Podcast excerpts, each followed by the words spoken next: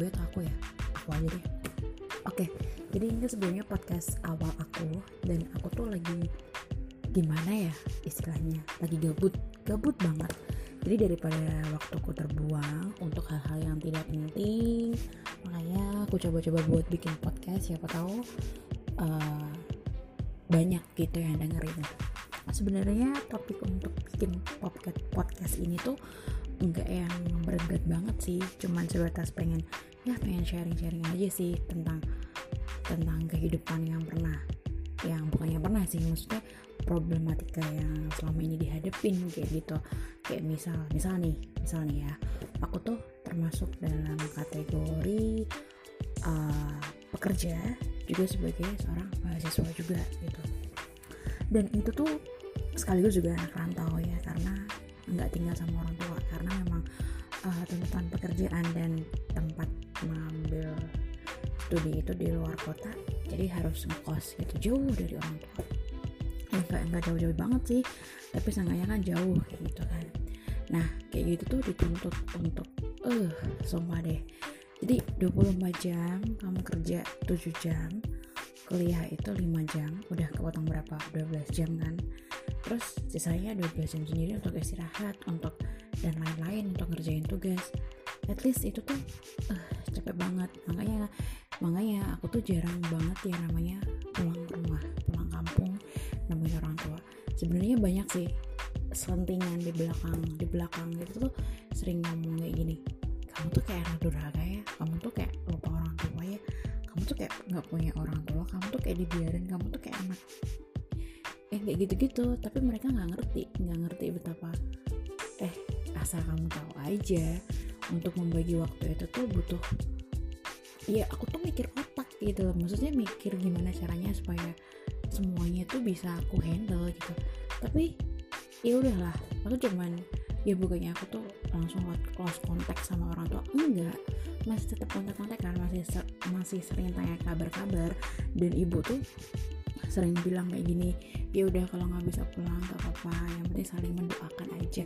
Itu ibu aku udah bilang kayak gitu loh ibu aku yang dari kecil dari yang apa mengandung lahirin ngerawat bilangnya kayak gitu. Kamu bukan siapa-siapa aku tapi kayak gitu tapi omongannya enggak enak banget ya. Kalau misalkan hidup aku kamu samakan dengan hidup kamu itu nggak bakalan bisa. Ya nggak sih guys? Karena kan problematikanya udah berbeda ya keluargamu keluargamu keluargaku keluargaku. Ya nggak usah dong ngejudge orang macam-macam. Ya hal-hal yang kayak gitu tuh bikin aku kadang kalian tuh apaan sih? Ya gitu. Cuman ya nggak aku ambil hati. Cuman ya agak gemes aja gitu sama mereka yang ngomong tapi nggak pakai otak. Ngomongnya nggak mikir kayak gitu. Itu sih gitu kan. Terus habis itu permasalahan lagi tuh kayak yang kadang tuh ya keteteran banget kalau misalkan apa namanya? Tugas gitu banyak. Apalagi kadang dosen tuh saklek banget ya. Allah kadang dosen tuh ya aku mikir kalau misalkan kuliah sambil kerja itu dosennya bakalan paham oh anak ini udah punya tugas di kantor kayak gitu gitu enggak ternyata. Ternyata tuh tugasnya tambah bejibun tambah iya banget ya Allah. Sampai kadang tuh harus begadang tidur jam 3 itu nggak ngerjain skripsi loh. Itu cuma tugas biasa loh dan kalau misalkan ada resume yang pakai tulisan tangan itu tuh udah harus berlembar-lembar folio sendiri gitu. Habis itu dikumpulin besok minggu depannya di dikasihkan lagi udah cuman gitu aja. Itu aja nggak tahu itu dibaca apa enggak jadi satu kelas satu, apa dari keseluruhan mahasiswa itu kalau menurutku sih nggak mungkin banget gitu dosen baca seabrek tulisan kayak gitu gitu loh. Kadang gemesnya di situ terus uh, sempet ini juga sih sempet di awal-awal kuliah tuh ngerasa kok kayaknya aku kurang kurang sibuk ya. Jadi udah kerja terus sama kuliah tuh masih tetap merasa kurang sibuk. Terus akhirnya uh, iseng-iseng lah masuk dalam sebuah organisasi gitu. Masuklah ke sana. Ini gue ini aku nggak nggak menjelek-jelekan organisasi enggak ya. Cuman uh, kebetulan kebetulan organisasi aku itu orangnya uh, bukan orangnya sih anggotanya itu rata-rata anak-anak yang kelahirannya masih muda. Sedangkan aku kan nunda jadi nunda nunda untuk kuliah. Jadi kerja dulu baru kuliah. Jadi uh, jaraknya uh, jauh banget. Mereka tuh udah kayak seadik-adikku jauh kayak gitu. Terus habis itu ikutlah ikut iseng-iseng ikut. Ketika diwawancara dan lain-lain mereka senior senior aku tuh excited excited dengan visi misiku gitu ya. Cewek visi misi coba ya maksudnya semangatnya aku gitu kan. Tapi I don't know. I don't know the I don't know what happen in the future. I don't know I don't know. Saya nggak ngerti ya kejadian yang ke depan itu ternyata kayak gitu. Aku nggak paham nggak ngerti. Untuk harus ikutan rapat di sela-sela kamu. Nanti kerja 7 jam nanti jadi pulang jam 2 ya. Terus nanti kuliah jam 5 dan rapat itu biasanya jam 3 oh my god. Kamu kerja capek nggak istirahat langsung ke kampus. Itu cuma berjalan satu bulan doang. Habis itu aku ngerasa capek banget. Dan akhirnya aku istirahat karena jarak antara antara kosan uh, kosanku tuh sama kerjaan deket ya 15 10 menit. Tapi kalau kosanku sama kampus itu jauh sekitar 45 30 45 menitan. Jadi bisa kebayang sendiri lah kayak gimana jadi kalau mau pergi janjian ke kampus itu harus estimasi perjalanan juga. Nah itu berjalan berjalan kan berjalan kayak gitu. Terus habis itu ya sebodohnya juga aku vakum beberapa bulan. Habis itu ada proker ya proker di departemen. Aku masuk di humas karena dirasa aku orangnya public speakingnya bagus interaksi dengan masyarakat sekitarnya bagus kayak gitu makanya aku join di dimasukkan di departemen humas di situ prokernya banyak prokernya banyak salah satu proker yang aku handle sebagai ketua panitianya aku sebagai sebagai ketua waktu itu studi banding ada acara studi banding ya aku mencalonkan diri jadi ketua panitia Nah, dari situ aku jadi ketua panitianya. Di situ aku merubah merubah banyak-banyak merubah banyak banyak apa sih namanya?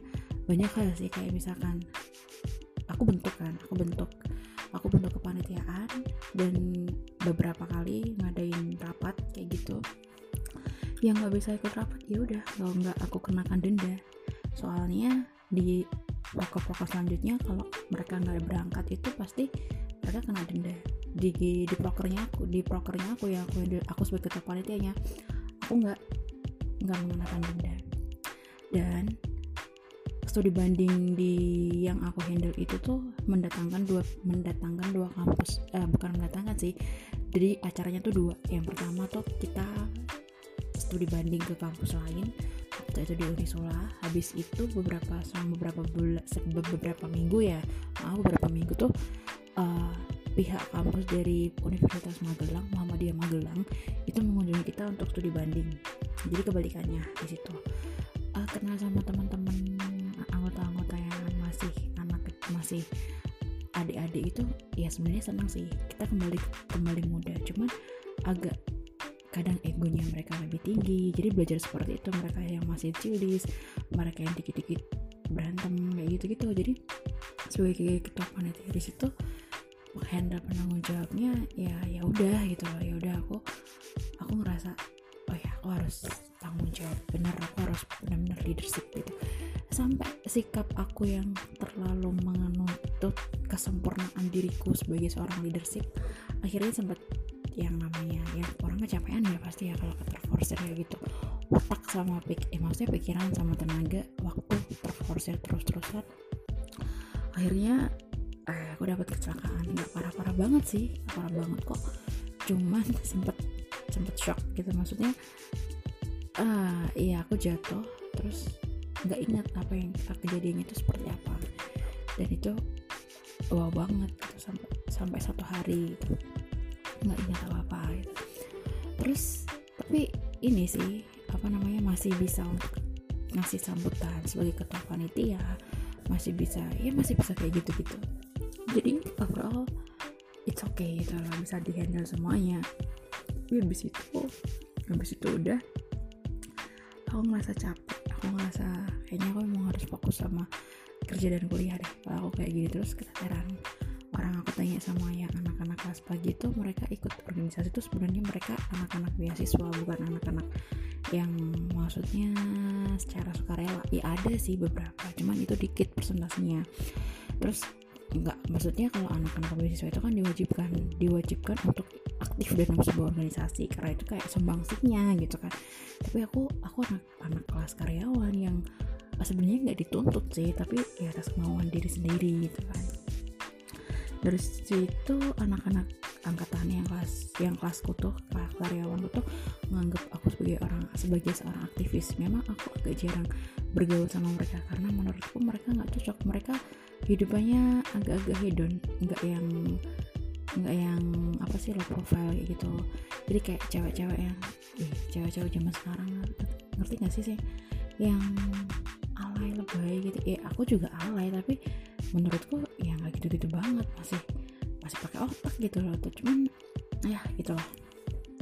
Terus ya habis itu selesai sampai di situ banyak oh ya ini sih komentar dari para teman-teman teman-teman kerja tuh.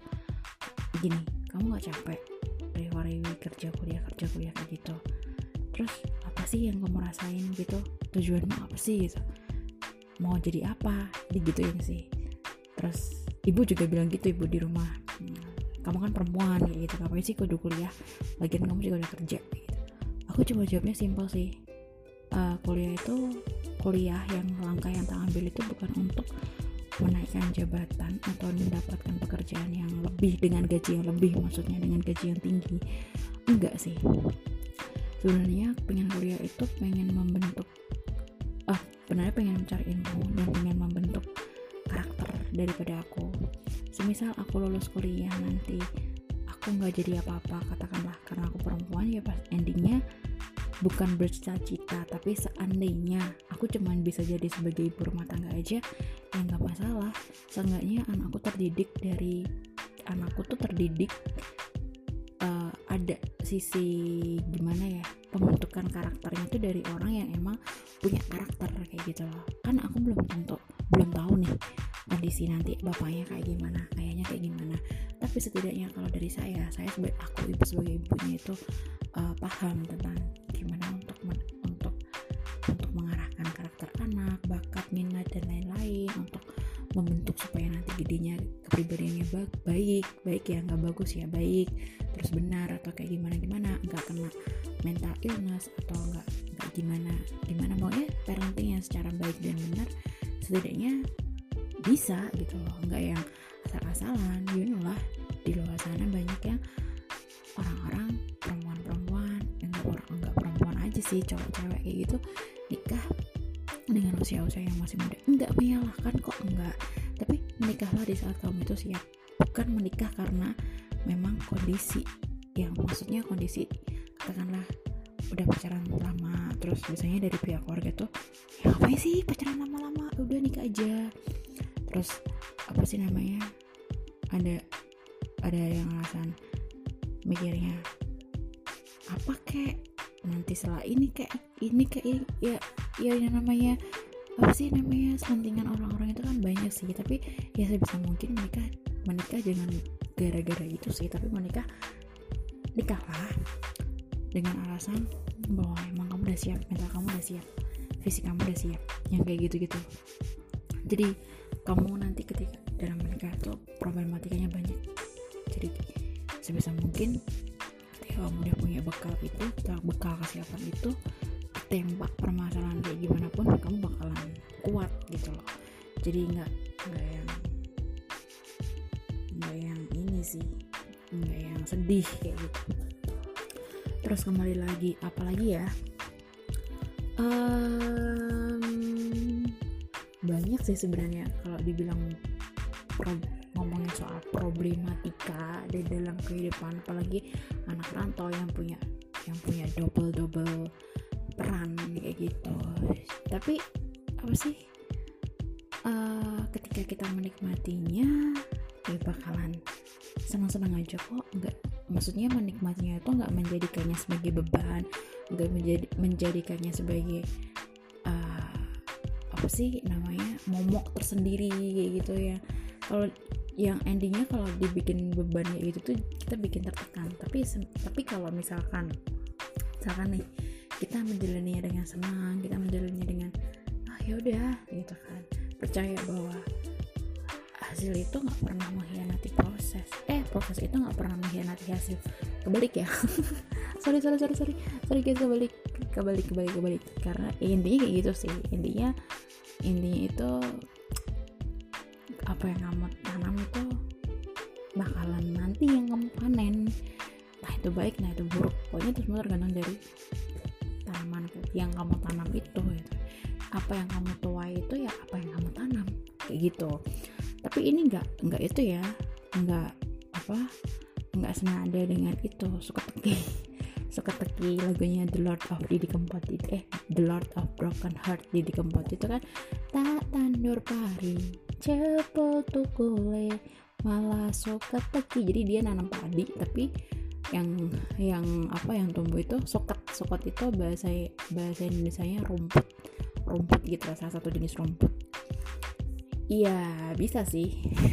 Bisa sih sebenarnya kayak gitu cuman kan itu sebuah kiasan nggak beneran. Tapi secara kalau secara realnya kan apa yang kamu tanam ya apa yang kamu tuai apa itu yang kamu tanam. Iya kayak gitu sih. Uh, oke okay guys gini aja sih sebenarnya.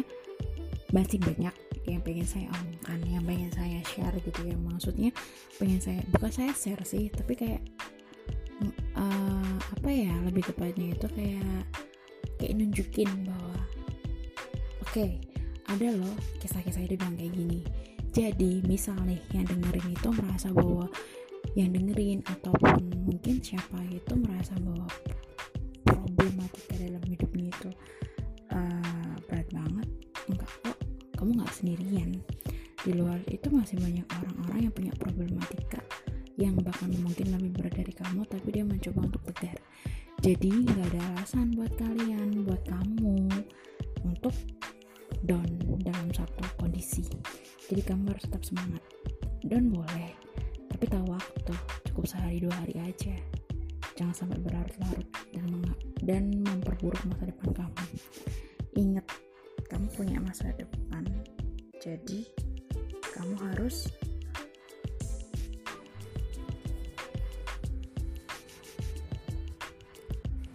dan apa namanya? Tadi sampai mana sih? Jadi tuh kayak kayak yang kamu harus tetap semangat untuk men, untuk menjalani hidup itu untuk menjalani hidup kamu. Karena kamu punya tujuan kamu punya masa depan yang nggak boleh berhenti cuma sampai di sini aja hanya karena satu masalah.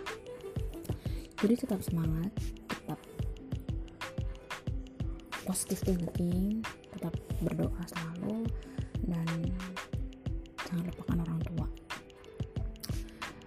udah itu aja nanti dilanjut episode kedua nanti oh mungkin gini sih nanti ini kan aku, aku kalau ada yang mau dengerin habis nanti aku share di sosial media sosial mediaku nanti tolong kalian kasih ini sih masukan bahas apa lagi sih di episode selanjutnya Oke, okay, bye bye. See you. Selamat malam, selamat istirahat.